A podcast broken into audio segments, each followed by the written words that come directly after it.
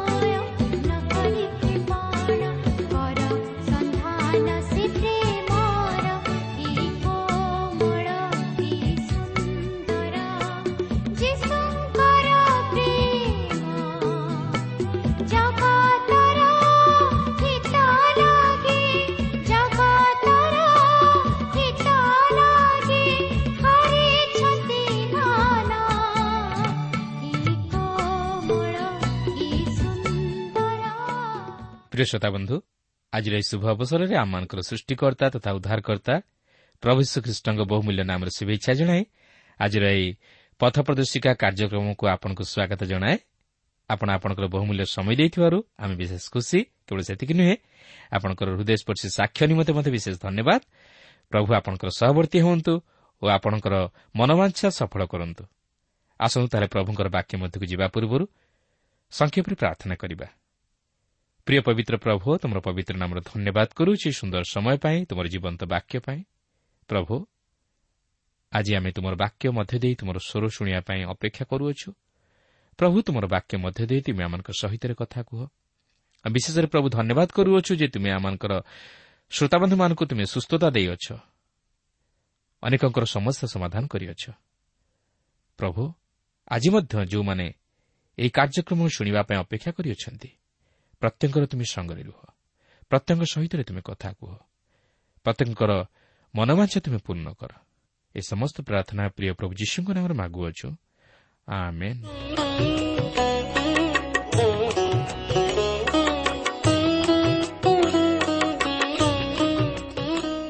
ଆସନ୍ତୁ ବର୍ତ୍ତମାନ ଆମେ ପ୍ରଭୁଙ୍କର ବାକ୍ୟ ମଧ୍ୟକୁ ଯିବା।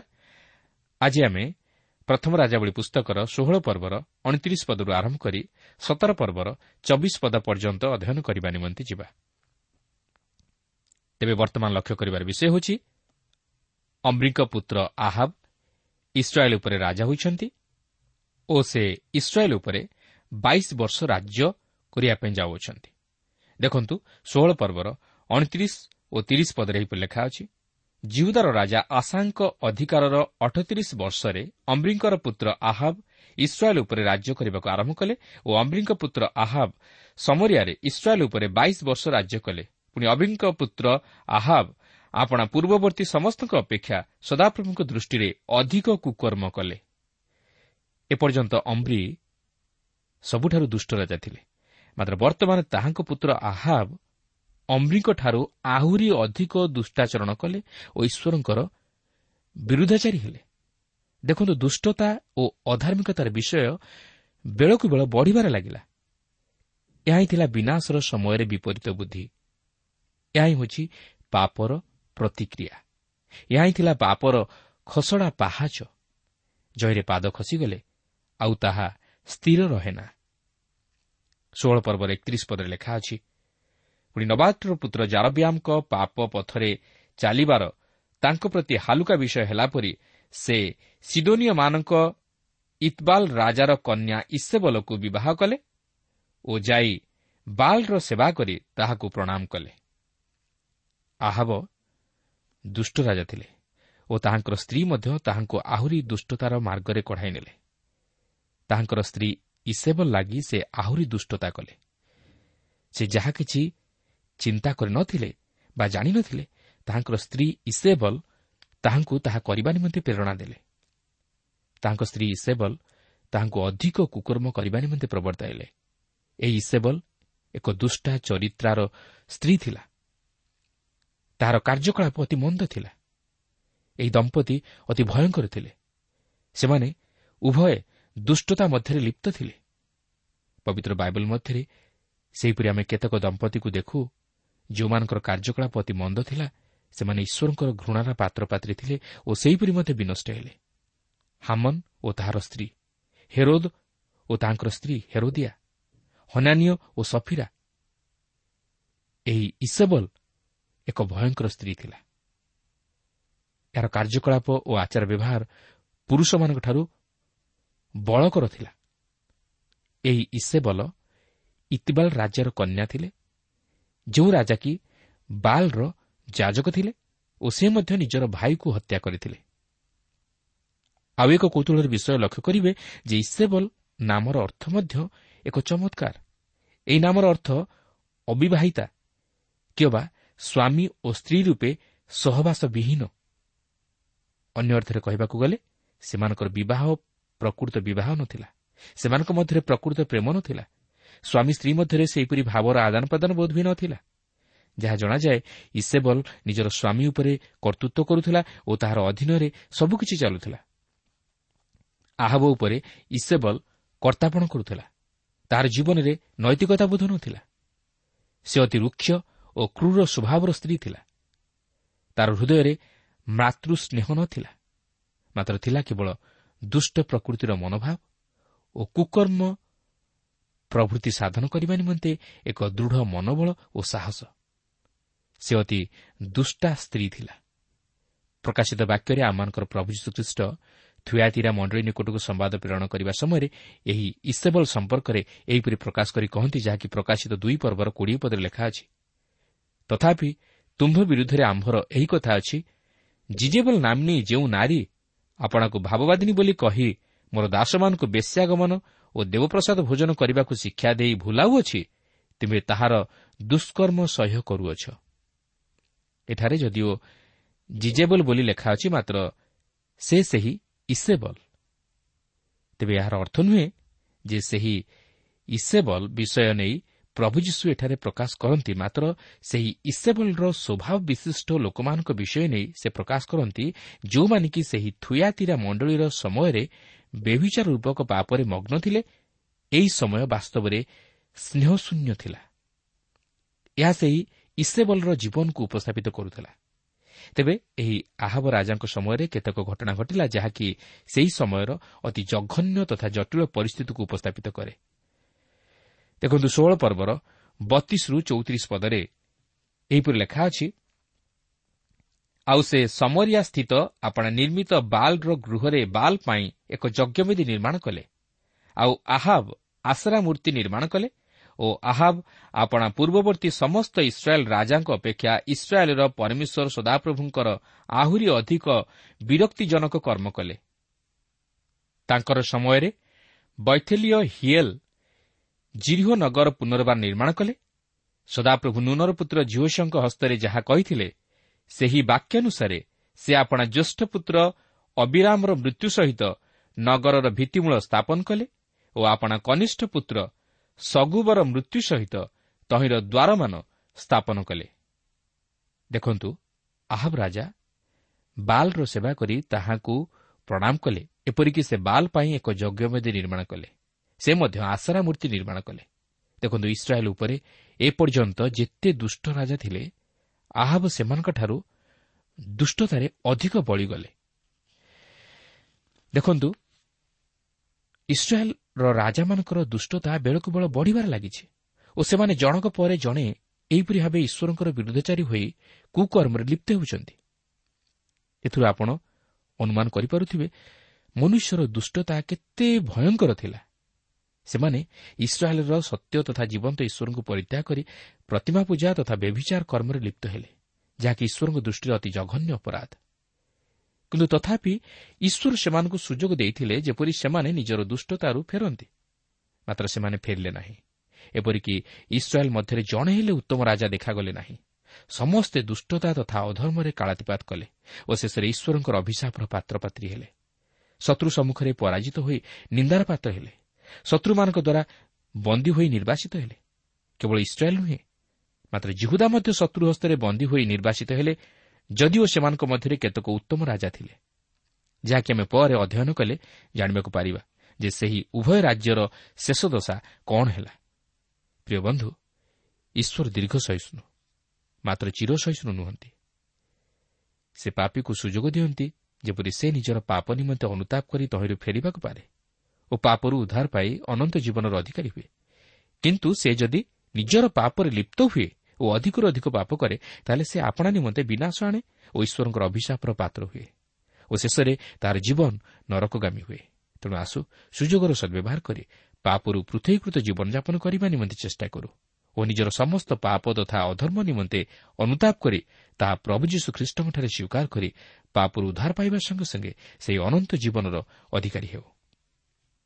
ତେବେ ଏଠାରେ ଲକ୍ଷ୍ୟ କରିବାର ବିଷୟ ହେଉଛି ଯେତେବେଳେ ଆହବ ରାଜା ଓ ଇସେବଲ ଇସ୍ରାଏଲ୍ ସିଂହାସନର ଅଧିକାରୀ ହେଲେ ସେତେବେଳେ ଈଶ୍ୱର ସେମାନଙ୍କ ନିମନ୍ତେ ତାହାଙ୍କର ଏକ ବ୍ୟକ୍ତିଙ୍କୁ ପ୍ରସ୍ତୁତ କରି ରଖିଥିଲେ ଯିଏକି ତାହାଙ୍କର ଆଦେଶ ଅନୁଯାୟୀ ତାହାଙ୍କର ବକ୍ତବ୍ୟ କଥା ରାଜାଙ୍କ ସମ୍ମୁଖରେ ସାହସ ସହିତ ଛିଡ଼ା ହୋଇ ପ୍ରକାଶ କରିପାରିବ। ଆଉ ସେହି ବ୍ୟକ୍ତି ହେଉଛନ୍ତି ଏଲିଓ ଭବିଷ୍ୟତ ବକ୍ତା ଯିଏକି ଆହାବ ରାଜାଙ୍କ ସମ୍ମୁଖରେ ଛିଡ଼ା ହୋଇ ସାହସର ସହିତ ଈଶ୍ୱରଙ୍କ ବାକ୍ୟ ପ୍ରକାଶ କରିଥିଲେ। ଈଶ୍ୱର ଯାହା କିଛି ଘଟାଇବାକୁ ଯାଉଥିଲେ ସେହି ସମସ୍ତ ପ୍ରକାଶ କଲେ। ଦେଖନ୍ତୁ ପ୍ରଥମ ରାଜାବଳୀ ସତର ପର୍ବର ପ୍ରଥମ ପଦରେ ଏହିପରି ଲେଖା ଅଛି ଅନନ୍ତର ଗିଲିୟଦର ପ୍ରବାସୀ ତିସ୍ବିୟ ଏଲିଓ ଆହାବଙ୍କୁ କହିଲେ ମୁଁ ଯାହାଙ୍କ ସାକ୍ଷାତରେ ଛିଡ଼ା ହେଉଅଛି ସେ ଇସ୍ରାଏଲ୍ର ପରମେଶ୍ୱର ସଦାପ୍ରଭୁ ଜୀବିତ ଥିବା ପ୍ରମାଣେ ଏହି କେତେକ ବର୍ଷ କାକର କି ବୃଷ୍ଟି ପଡ଼ିବ ନାହିଁ। କେବଳ ମୋ ବାକ୍ୟାନୁସାରେ ହେବ। ଦେଖନ୍ତୁ ଏଲିଓ ଏଠାରେ ଆହାବଙ୍କୁ କହନ୍ତି ଯେ ତାହାଙ୍କ ରାଜ୍ୟରେ କେତେକ ବର୍ଷ ଧରି କାକର କି ବୃଷ୍ଟି ପଡ଼ିବ ନାହିଁ କେବଳ ତାହାଙ୍କ ବାକ୍ୟାନୁସାରେ ହେବ।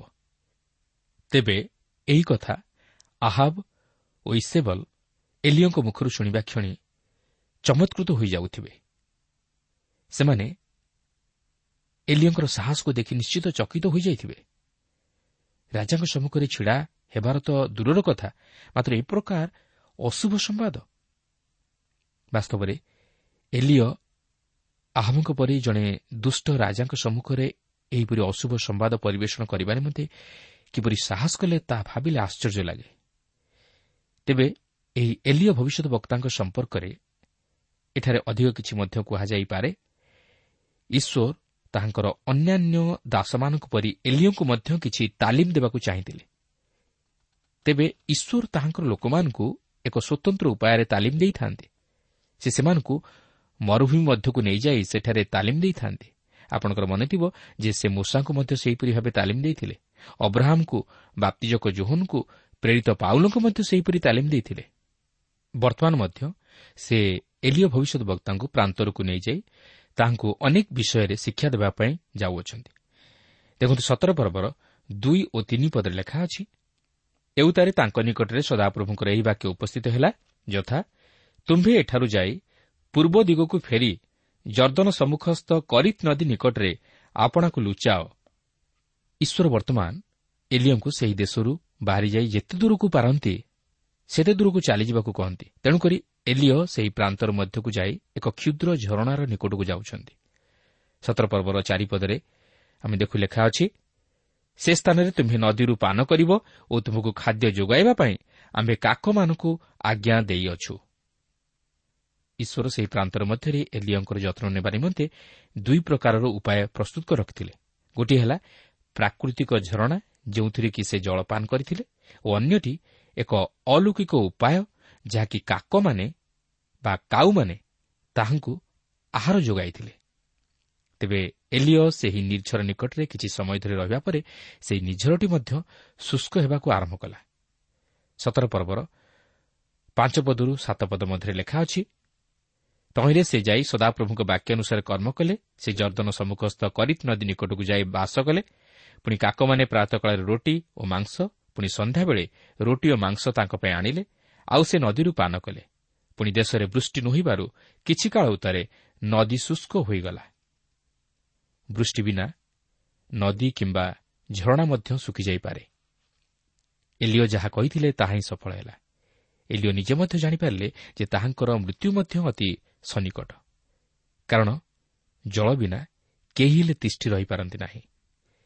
ତେବେ ଏହି ଶୁଷ୍କ ନଦୀର ଘଟଣା ମଧ୍ୟ ଦେଇ ଏଲିଓ ନିଜର ଆତ୍ମିକ ଜୀବନର ସ୍ଥିତିକୁ ମାପିବା ନିମନ୍ତେ ସକ୍ଷମ ହୋଇପାରିଥିଲେ।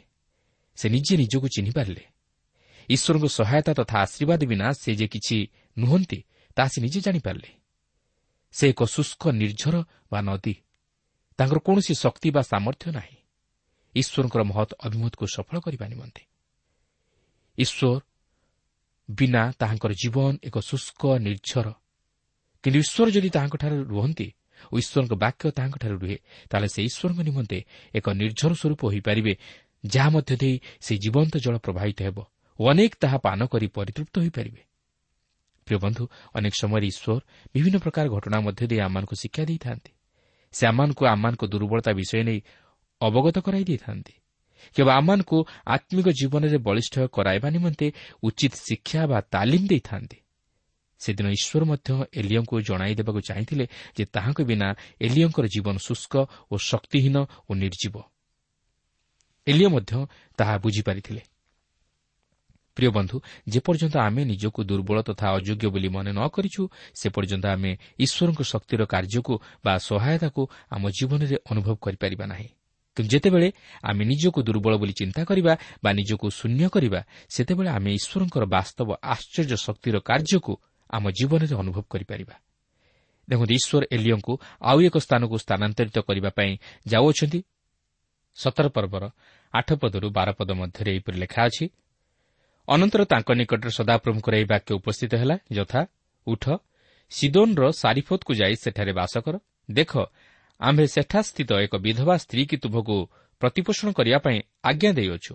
ତହିଁରେ ସେ ଉଠି ସାରିଫୋତ୍କୁ ଗଲେ ଓ ସେ ନଗର ଦ୍ୱାର ନିକଟରେ ଉପସ୍ଥିତ ହୁଅନ୍ତି। ଦେଖ ଏକ ବିଧବା ସ୍ତ୍ରୀ ସେଠାରେ କାଠ ସାଉଁଟୁଅଛି। ତୁ ସେ ତାହାକୁ ଡାକି କହିଲେ ବିନୟ କରୁଅଛି ଗୋଟିଏ ପାତ୍ରରେ କିଛି ଜଳ ଆଣ ମୁଁ ପାନ କରିବି। ଏଣୁ ସେ ସ୍ତ୍ରୀ ତାହା ଆଣିବା ପାଇଁ ଯିବାବେଳେ ସେ ତାହାକୁ ପୁଣି ଡାକି କହିଲେ ବିନୟ କରୁଅଛି ମୋ ପାଇଁ ଖଣ୍ଡେ ରୋଟି ହାତରେ ଆଣ। ତ ସେ କହିଲା ସଦାପ୍ରଭୁ ତୁମ ପରମେଶ୍ୱର ଜୀବିତ ଥିବା ପ୍ରମାଣେ ମୋଠାରେ ଗୋଟିଏ ପିଠା ନାହିଁ। କେବଳ କଳସରେ ମୁଠିଏ ମଇଦା ଓ ପାତ୍ରରେ ଅଳ୍ପ ତେଲ ଅଛି। ଆଉ ଦେଖ ମୁଁ ଦୁଇ ଖଣ୍ଡ କାଠ ସାଉଁଟୁଅଛି ଯେପରି ତାହା ନେଇଯାଇ ମୋ ପାଇଁ ଓ ମୋ ପୁତ୍ର ପାଇଁ ପାକ କରି ଖାଇବୁ ତହିଁ ଉତ୍ତାରେ ମରିବୁ। ଏହା ହିଁ ଥିଲା ସେହି ସମୟର ପରିସ୍ଥିତି। ଯେହେତୁ ଦେଶ ଯାକ ଦୁର୍ଭିକ୍ଷ ପଡ଼ିଥିଲା। କାରଣ ବୃଷ୍ଟି ଅଭାବରୁ ଖାଦ୍ୟଶସ୍ୟ ଉତ୍ପନ୍ନ ହୋଇପାରିନଥିଲା ଓ ଚାରିଆଡ଼େ ମରୁଡ଼ି ତଥା ହାହାକାର ପଡ଼ିଥିଲା। ଏପରି ସମୟରେ ଏଲିଓ ଭବିଷ୍ୟତ ବକ୍ତା ଈଶ୍ୱରଙ୍କର ଆଦେଶ କ୍ରମେ ସିଦୋନ୍ର ସାରିଫୋତ୍କୁ ଯାଇ ସେଠାରେ ବାସ କଲେ ଓ ସେଠାରେ ସେ କିପରି ଜଣେ ବିଧବା ସ୍ତ୍ରୀ ଦ୍ୱାରା ପ୍ରତିପାଳିତ ହେବେ ତାହା ମଧ୍ୟ ଈଶ୍ୱର ପୂର୍ବରୁ ପ୍ରକାଶ କରିଦେଇଥିଲେ।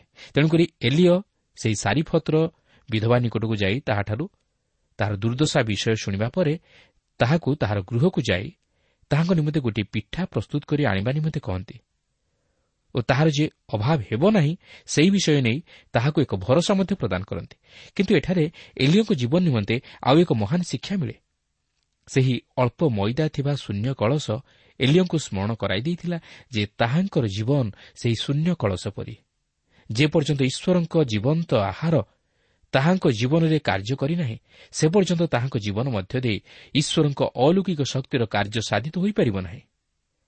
ଆଜି ଆମମାନଙ୍କ ଜୀବନ ନିମନ୍ତେ ମଧ୍ୟ ଏଥିରୁ ଅନେକ କିଛି ଶିକ୍ଷା ମିଳେ। ଆଜି ଆମମାନଙ୍କର ଜୀବନ ସେହି ଶୂନ୍ୟ କଳସ ପରି। କିନ୍ତୁ ଈଶ୍ୱରଙ୍କର ସେହି ଜୀବନଦାୟକ ଆହାରକୁ ଯେପର୍ଯ୍ୟନ୍ତ ଆମ ଜୀବନରେ ଆମେ ଗ୍ରହଣ କରିନାହୁଁ ସେ ପର୍ଯ୍ୟନ୍ତ ଆମେ ଆତ୍ମିକ ଜୀବନରେ ଶକ୍ତିଯୁକ୍ତ ହୋଇପାରିବା ନାହିଁ କି ଈଶ୍ୱରଙ୍କର ମହତ ଅଭିମତକୁ ସଫଳ କରିପାରିବା ନାହିଁ। ଆଜି ସେହି ପ୍ରଭୁ ଯୀଶୁଖ୍ରୀଷ୍ଟ ଆମମାନଙ୍କ ନିମନ୍ତେ ଜୀବନଦାୟକ ନିର୍ଝର ଓ ଜୀବନଦାୟକ ଆହାର। ସେହି ପ୍ରଭୁ ଯୀଶୁଖ୍ରୀଷ୍ଟ ନିଜେ କହିଅଛନ୍ତି ମୁଁ ସେହି ଜୀବନଦାୟକ ଆହାର ଓ ମୁଁ ସେହି ଜୀବନଦାୟକ ନିର୍ଝର। ସେହି ପ୍ରଭୁ ଯୀଶୁଖ୍ରୀଷ୍ଟ ଆମମାନଙ୍କର ଜୀବନରେ ରହିଥିବା ଶୂନ୍ୟତାକୁ ପୂର୍ଣ୍ଣ କରିପାରନ୍ତି। ସେଦିନ ସେହି କାନା ନଗରର ବିବାହରେ ଶୂନ୍ୟ ପଡ଼ିଥିବା ଦୁଇ ବା ତିନି ମହଣିଆ ଛଅ ଗୋଟି ପଥର ଜାହାଲାକୁ ସେ ଜଳରେ ପୂର୍ଣ୍ଣ କଲେ ଓ ସେହି ଜଳ ସେହି ବିବାହ ଭୋଜିରେ ନିମନ୍ତ୍ରିତ ହୋଇଥିବା ଆଗନ୍ତୁକ ଅତିଥିମାନଙ୍କ ନିମନ୍ତେ ସବୁଠାରୁ ଉତ୍କୃଷ୍ଟ ପାନୀୟ ରୂପେ ବ୍ୟବହୃତ ହୋଇଥିଲା। ପ୍ରଭୁ ଯୀଶୁଙ୍କ ଦ୍ୱାରା ତାହା ସାଧିତ ହୋଇଥିଲା ଓ ତାହା ଏକ ମହାନ ଆଶ୍ଚର୍ଯ୍ୟକର୍ମ ଥିଲା। ପ୍ରିୟ ବନ୍ଧୁ ଆଜି ଆମେ ପ୍ରତ୍ୟେକ ସେହି ଅଳ୍ପ ମଇଦା ରହିଥିବା ଶୂନ୍ୟ କଳସ ପରି ଯେପର୍ଯ୍ୟନ୍ତ ଆମେ ପ୍ରଭୁ ଯୀଶୁଖ୍ରୀଷ୍ଟଙ୍କୁ ନିଜ ଜୀବନରେ ଗ୍ରହଣ କରି ତାହାଙ୍କଠାରେ ବିଶ୍ୱାସ କରିନାହୁଁ ସେ ପର୍ଯ୍ୟନ୍ତ ଆମେ ଆତ୍ମିକ ଜୀବନରେ ଶକ୍ତିଯୁକ୍ତ ହୋଇପାରିବା ନାହିଁ କି ଆଗେଇ ପାରିବା ନାହିଁ କି ଆତ୍ମିକ ଫଳ ଧାରଣ କରିପାରିବା ନାହିଁ। ସେଦିନ ସେହି ଶୂନ୍ୟ କଳସର ଘଟଣା ମଧ୍ୟ ଦେଇ ଈଶ୍ୱର ଏଲିଓଙ୍କୁ ଶିକ୍ଷା ଦେବାକୁ ଚାହିଁଥିଲେ ଓ ଆଜି ମଧ୍ୟ ସେ ଆମମାନଙ୍କୁ ଶିକ୍ଷା ଦିଅନ୍ତି। ହଁ ଯଦିଓ ଆମ ଜୀବନ ଶୁଷ୍କ ନିର୍ଝର ଓ ଶୂନ୍ୟ କଳସ ପରି ମାତ୍ର ସେହି ପ୍ରଭୁ ଶ୍ରୀଖ୍ରୀଷ୍ଟଙ୍କୁ ଓ ତାହାଙ୍କର ବାକ୍ୟକୁ ଯଦି ଆମେ ଆମ ହୃଦୟରେ ସ୍ଥାନ ଦେବା ତାହେଲେ ଆମମାନଙ୍କ ଜୀବନ ମଧ୍ୟ ଦେଇ ସେହି ଜୀବନର ସ୍ରୋତ ପ୍ରବାହିତ ହେବ ଓ ଆମ୍ଭେମାନେ ସେହି ଆହାରକୁ ଭକ୍ଷଣ କରି ଆତ୍ମିକ ଜୀବନରେ ବଳିଷ୍ଠ ହୋଇପାରିବା। କିନ୍ତୁ ଏଠାରେ ଏକ ପ୍ରଶ୍ନ ଆସେ ଯେ ଏଲିଓଙ୍କୁ ପ୍ରଭୁ କାହିଁକି ସେହି ନଦୀରୁ ପାନ କରିବାକୁ ଦେଲେ ଓ ସେହି ନଦୀକୁ ଶୁଷ୍କ କରାଇଲେ? କାକମାନଙ୍କ ଦ୍ୱାରା କାହିଁକି ତାହାଙ୍କୁ ଆହାର ଯୋଗାଇଲେ? ଓ ସେହି ବିଧବା ଦ୍ୱାରା କାହିଁକି ଦୁର୍ଭିକ୍ଷ ସମୟରେ ଲାଳନ ପାଳନ କଲେ? ଈଶ୍ୱର କ'ଣ ଚାହିଁଥିଲେ ଅନ୍ୟ କୌଣସି ଉପାୟରେ ତାହାଙ୍କୁ ରକ୍ଷା କରିପାରିନଥାନ୍ତେ କିନ୍ତୁ ସେ ତାହାଙ୍କୁ କାହିଁକି ଏହିପରି ଅନୁଭୂତି ମଧ୍ୟ ଦେଇ କଢ଼ାଇ ନେଲେ? ଏହାର କାରଣ ମଧ୍ୟ ଥାଇପାରେ। ହୋଇପାରେ ସେହି ନଦୀ ଶୁଷ୍କ ହେବା ଇସ୍ରାଏଲ୍ ଜାତିର ଆତ୍ମିକ ଜୀବନର ଶିଥିଳତାକୁ ପ୍ରକାଶ କରେ ଓ ସେମାନଙ୍କର ଶୁଷ୍କ ଜୀବନକୁ ଉପସ୍ଥାପିତ କରେ। ପ୍ରଭୁ କେବଳ ଏଲିଓଙ୍କୁ ଶିକ୍ଷା ଦେବା ପାଇଁ ଚାହିଁନଥିଲେ ମାତ୍ର ଏଥିସହିତ ଇସ୍ରାଏଲ୍ର ଶୁଷ୍କ ଜୀବନକୁ ମଧ୍ୟ ଦେଖାଇ ଦେଇଥିଲେ। ଦ୍ୱିତୀୟରେ ସେହି କାକମାନଙ୍କ ଦ୍ୱାରା ଆହାର ଯୋଗାଇବା ଘଟଣା ମଧ୍ୟ ଦେଇ ଈଶ୍ୱର ଇସ୍ରାଏଲ୍ ଜାତିର ଅସୁଚିତା ଓ କଳୁଷିତ ଜୀବନକୁ ଦର୍ଶାଇ ଦେଇଥିଲେ। କାକମାନେ ବା କାଉମାନେ ଅସୁଚି ପକ୍ଷୀରେ ଗଣିତ ହୁଅନ୍ତି। ସେମାନେ ପଚାଶଡ଼ା ଦୁର୍ଗନ୍ଧ ବିଷୟ ସବୁକୁ ଭଲ ପାଆନ୍ତି। ନୋହଙ୍କ ସମୟରେ ଯେତେବେଳେ ଜଳପ୍ଲାବନ ହୋଇଥିଲା ସେହି ସମୟରେ ନୋହ ଜଳର ହ୍ରାସ ଜାଣିବା ନିମନ୍ତେ ପ୍ରଥମେ ଏକ ଡାମରା କାଉକୁ ପଠାଇଥିଲେ ମାତ୍ର ସେହି କାଉ ଆଉ ଫେରିଲା ନାହିଁ। ବୋଧହୁଏ ସେ ସେହି ଜଳପ୍ଲାବନରେ ବିନଷ୍ଟ ପ୍ରାଣୀମାନଙ୍କର ପଚାଶଡ଼ା ମାଂସ ଖାଇବାରେ ନିଜକୁ ହଜେଇ ଦେଲା ମାତ୍ର ନୋହଙ୍କର ଅଭିମତକୁ ସଫଳ କରିପାରିଲା ନାହିଁ। ସେ ପୁନର୍ବାର ଜାହାଜ ନିକଟକୁ ଫେରିଆସିଲା ନାହିଁ। ସେହିପରି ଇସ୍ରାଏଲ୍ ଜାତି ପ୍ରତିମା ପୂଜା ଓ ବ୍ୟଭିଚାର ରୂପକ ପାପରେ ପତିତ ହୋଇ କଳୁଷିତ ହେବା ସଙ୍ଗେ ସଙ୍ଗେ ଈଶ୍ୱରଙ୍କଠାରୁ ଦୂରେଇ ଯାଇଥିଲେ। ତେଣୁ ଏହି ଘଟଣା ମାଧ୍ୟମରେ ଈଶ୍ୱର ଏଲିଓଙ୍କୁ ତାହା ସ୍କରଣ କରାଇଦେବାକୁ ଚାହିଁଥିଲେ ଯେ ଇସ୍ରାଏଲ୍ ଜାତି ଅଶୁଚି ହୋଇଯାଇଛନ୍ତି ଓ ସେମାନଙ୍କର ଜୀବନ କଳୁଷିତ ହୋଇଯାଇଛି। ଏହାପରେ ତୃତୀୟରେ ସେ ଜଣେ ବିଧବା ସ୍ତ୍ରୀ ଦ୍ୱାରା ଲାଳିତ ପାଳିତ ହେବା ଘଟଣା ମଧ୍ୟ ଦେଇ ଈଶ୍ୱର ଏଲିଓଙ୍କୁ ଜଣାଇଦେବାକୁ ଚାହିଁଥିଲେ ଯେ ଇସ୍ରାଏଲ୍ ଜାତି ପାପ କରି ଓ ଈଶ୍ୱରଙ୍କଠାରୁ ଦୂରବର୍ତ୍ତୀ ଜୀବନଯାପନ କରି ଓ ଈଶ୍ୱରଙ୍କୁ ପରିତ୍ୟାଗ କରି ବିଧବା ହୋଇଯାଇଛନ୍ତି। ଅର୍ଥାତ୍ ସେମାନେ ଆପଣାର ସ୍ୱାମୀ ସ୍ୱରୂପ ସୃଷ୍ଟିକର୍ତ୍ତା ଈଶ୍ୱରଙ୍କୁ ପରିତ୍ୟାଗ କରି ବିଧବା ହୋଇଯାଇଛନ୍ତି। ସେମାନେ ସ୍ୱାମୀବିହୀନ ହୋଇଯାଇଛନ୍ତି। ପ୍ରିୟ ବନ୍ଧୁ ଆଜି ଆମମାନଙ୍କର ଈଶ୍ୱରଙ୍କ ସହିତ ବ୍ୟକ୍ତିଗତ ସମ୍ପର୍କ କିପରି ଅଛି? ଆଜି ଆମମାନଙ୍କର ଜୀବନ କେଉଁପରି ଅବସ୍ଥାରେ ଅଛି? ତାହା ଆମକୁ ସମୀକ୍ଷା କରିବାକୁ ହେବ। ବର୍ତ୍ତମାନ ଆମେ ଫେରିଆସିବା ଆମର ମୁଖ୍ୟ ପ୍ରସଙ୍ଗ ଉପରକୁ। ସତର ପର୍ବର ତେର ପଦରୁ ଷୋହଳ ପଦ ମଧ୍ୟରେ ଆମେ ଦେଖୁ ଯେ ଏଲିଓଙ୍କର କଥା ଅନୁଯାୟୀ ସେହି ବିଧବାର ମଇଦା କଳସ ଶୂନ୍ୟ ହେଲା ନାହିଁ କି ପାତ୍ରରେ ତୈଳର ଅଭାବ ହେଲା ନାହିଁ। କାରଣ ସେ ଏଲିଓଙ୍କ କଥାରେ ବିଶ୍ୱାସ କରି ତାହାଙ୍କୁ ପ୍ରଥମେ ଏକ ପିଠା ଦେବାରୁ ସେ ସଦାପ୍ରଭୁଙ୍କର ଆଶୀର୍ବାଦର ଅଧିକାରୀ ହେଲା। ପ୍ରିୟ ବନ୍ଧୁ ପ୍ରଭୁ ଆମମାନଙ୍କ ଜୀବନରୁ ବାଧ୍ୟତା ଚାହାନ୍ତି ଓ ସେ ଚାହାନ୍ତି ଆମମାନେ ଯେପରି ଈଶ୍ୱରଙ୍କ ସେବକମାନଙ୍କର ଆବଶ୍ୟକତା ପ୍ରତି ଦୃଷ୍ଟି ଦେଉ। ଦେଖନ୍ତୁ କେବଳ ସେତିକି ନୁହେଁ ସେହି ବିଧବାର ପୁତ୍ରକୁ ମଧ୍ୟ ଏଲିଓ ମୃତ୍ୟୁରୁ ଉଦ୍ଧାର କଲେ। ସତର ପର୍ବର ସତର ପଦରୁ ଚବିଶ ପଦ ମଧ୍ୟରେ ଆମେ ଦେଖୁ ଯେ ସେହି ବିଧବାର ପୁତ୍ର ମଲା ମାତ୍ର ଏଲିଓ କ'ଣ କଲେ? ସେ ବାଳକ ଉପରେ ତିନିଥର ଆପଣଙ୍କୁ ଲମ୍ବାଇଲେ ଅର୍ଥ ସେ ତିନିଥର ତାହାର ସେହି ମୃତ ଶରୀରରେ ନିଜର ଶରୀରକୁ ସଂଯୋଗ କଲେ। ଏହା ହେଉଛି ପୁନରୁତ୍ଥାନର ସତ୍ୟତା। ଏହା ସେହି ଜୀବନ ସହିତ ସଂଯୁକ୍ତ ହେବାର ବିଷୟକୁ ପ୍ରକାଶ କରେ ଯାହାକି ଖ୍ରୀଷ୍ଟଙ୍କ ସହିତ ସଂଯୁକ୍ତ ଜୀବନ। ଆମମାନେ ପ୍ରତ୍ୟେକ ପାପ ଓ ଅଧର୍ମରେ ଆତ୍ମିକ ଜୀବନରେ ମୃତ। ଖ୍ରୀଷ୍ଟଙ୍କ ସହିତ ସଂଯୁକ୍ତ ନ ହେଲେ ଆମମାନେ କେବେ ହେଲେ ଆତ୍ମିକ ଜୀବନରେ ସଜୀବ ହୋଇପାରିବା ନାହିଁ। ଯେହେତୁ ସେହି ପ୍ରଭୁ ଶ୍ରୀଖ୍ରୀଷ୍ଟ ଆମମାନଙ୍କୁ ପାପରୁ ଉଦ୍ଧାର କରି ସଜୀବ କରାଇବା ନିମନ୍ତେ ଆମମାନଙ୍କର ସମସ୍ତ ପାପ ବହନ କରି ସେହି କୃଷରେ ତାହା ହତ କଲେ ଓ କୃଷିୟ ମୃତ୍ୟୁଭୋଗ କଲେ ଓ ଆମମାନଙ୍କୁ ସଜୀବ ତଥା ଧାର୍ମିକ କରି ଗଣିତ କରାଇବା ନିମନ୍ତେ ନିଜେ ମଧ୍ୟ ମୃତ୍ୟୁକୁ ତିନି ଦିନରେ ଜୟ କରି ଉଠିଲେ ତେଣୁ ଜଣେ ପାପି ଯେତେବେଳେ ସେହି ଖ୍ରୀଷ୍ଟଙ୍କଠାରେ ବିଶ୍ୱାସ କରି ନିଜର ସମସ୍ତ ପାପ ନିମନ୍ତେ ଅନୁତାପ କରି କ୍ଷମା ମାଗେ ଓ ତାହାଙ୍କ ସହ ସଂଯୁକ୍ତ ହୁଏ ସେତେବେଳେ ସେ ତାହାଙ୍କ ସହିତ ପାପରେ ମୃତ ହୋଇ ଧର୍ମରେ ଜୀବିତ ହୁଏ। ତାହା ହିଁ ହେଉଛି ବାପ୍ତିସ୍ମର ଚିହ୍ନ ତଥା ଉଦ୍ଦେଶ୍ୟ।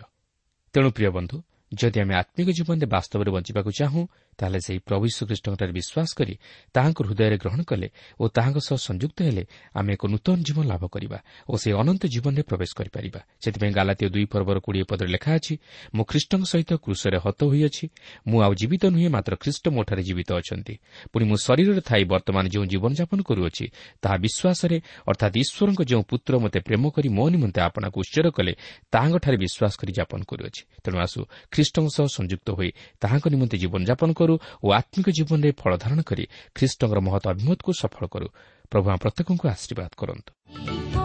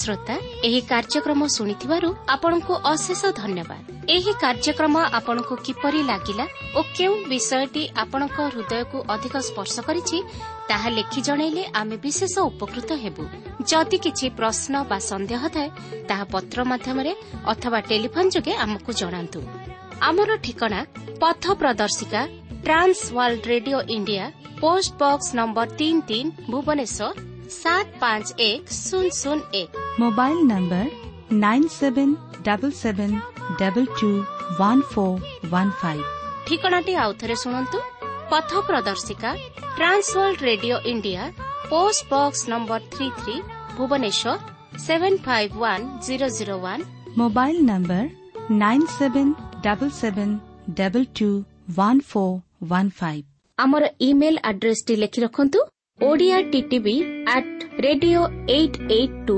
dot com ତେବେ ଆଜି ପାଇଁ ଏଇଠାରେ ରଖୁଛୁ। ନମସ୍କାର।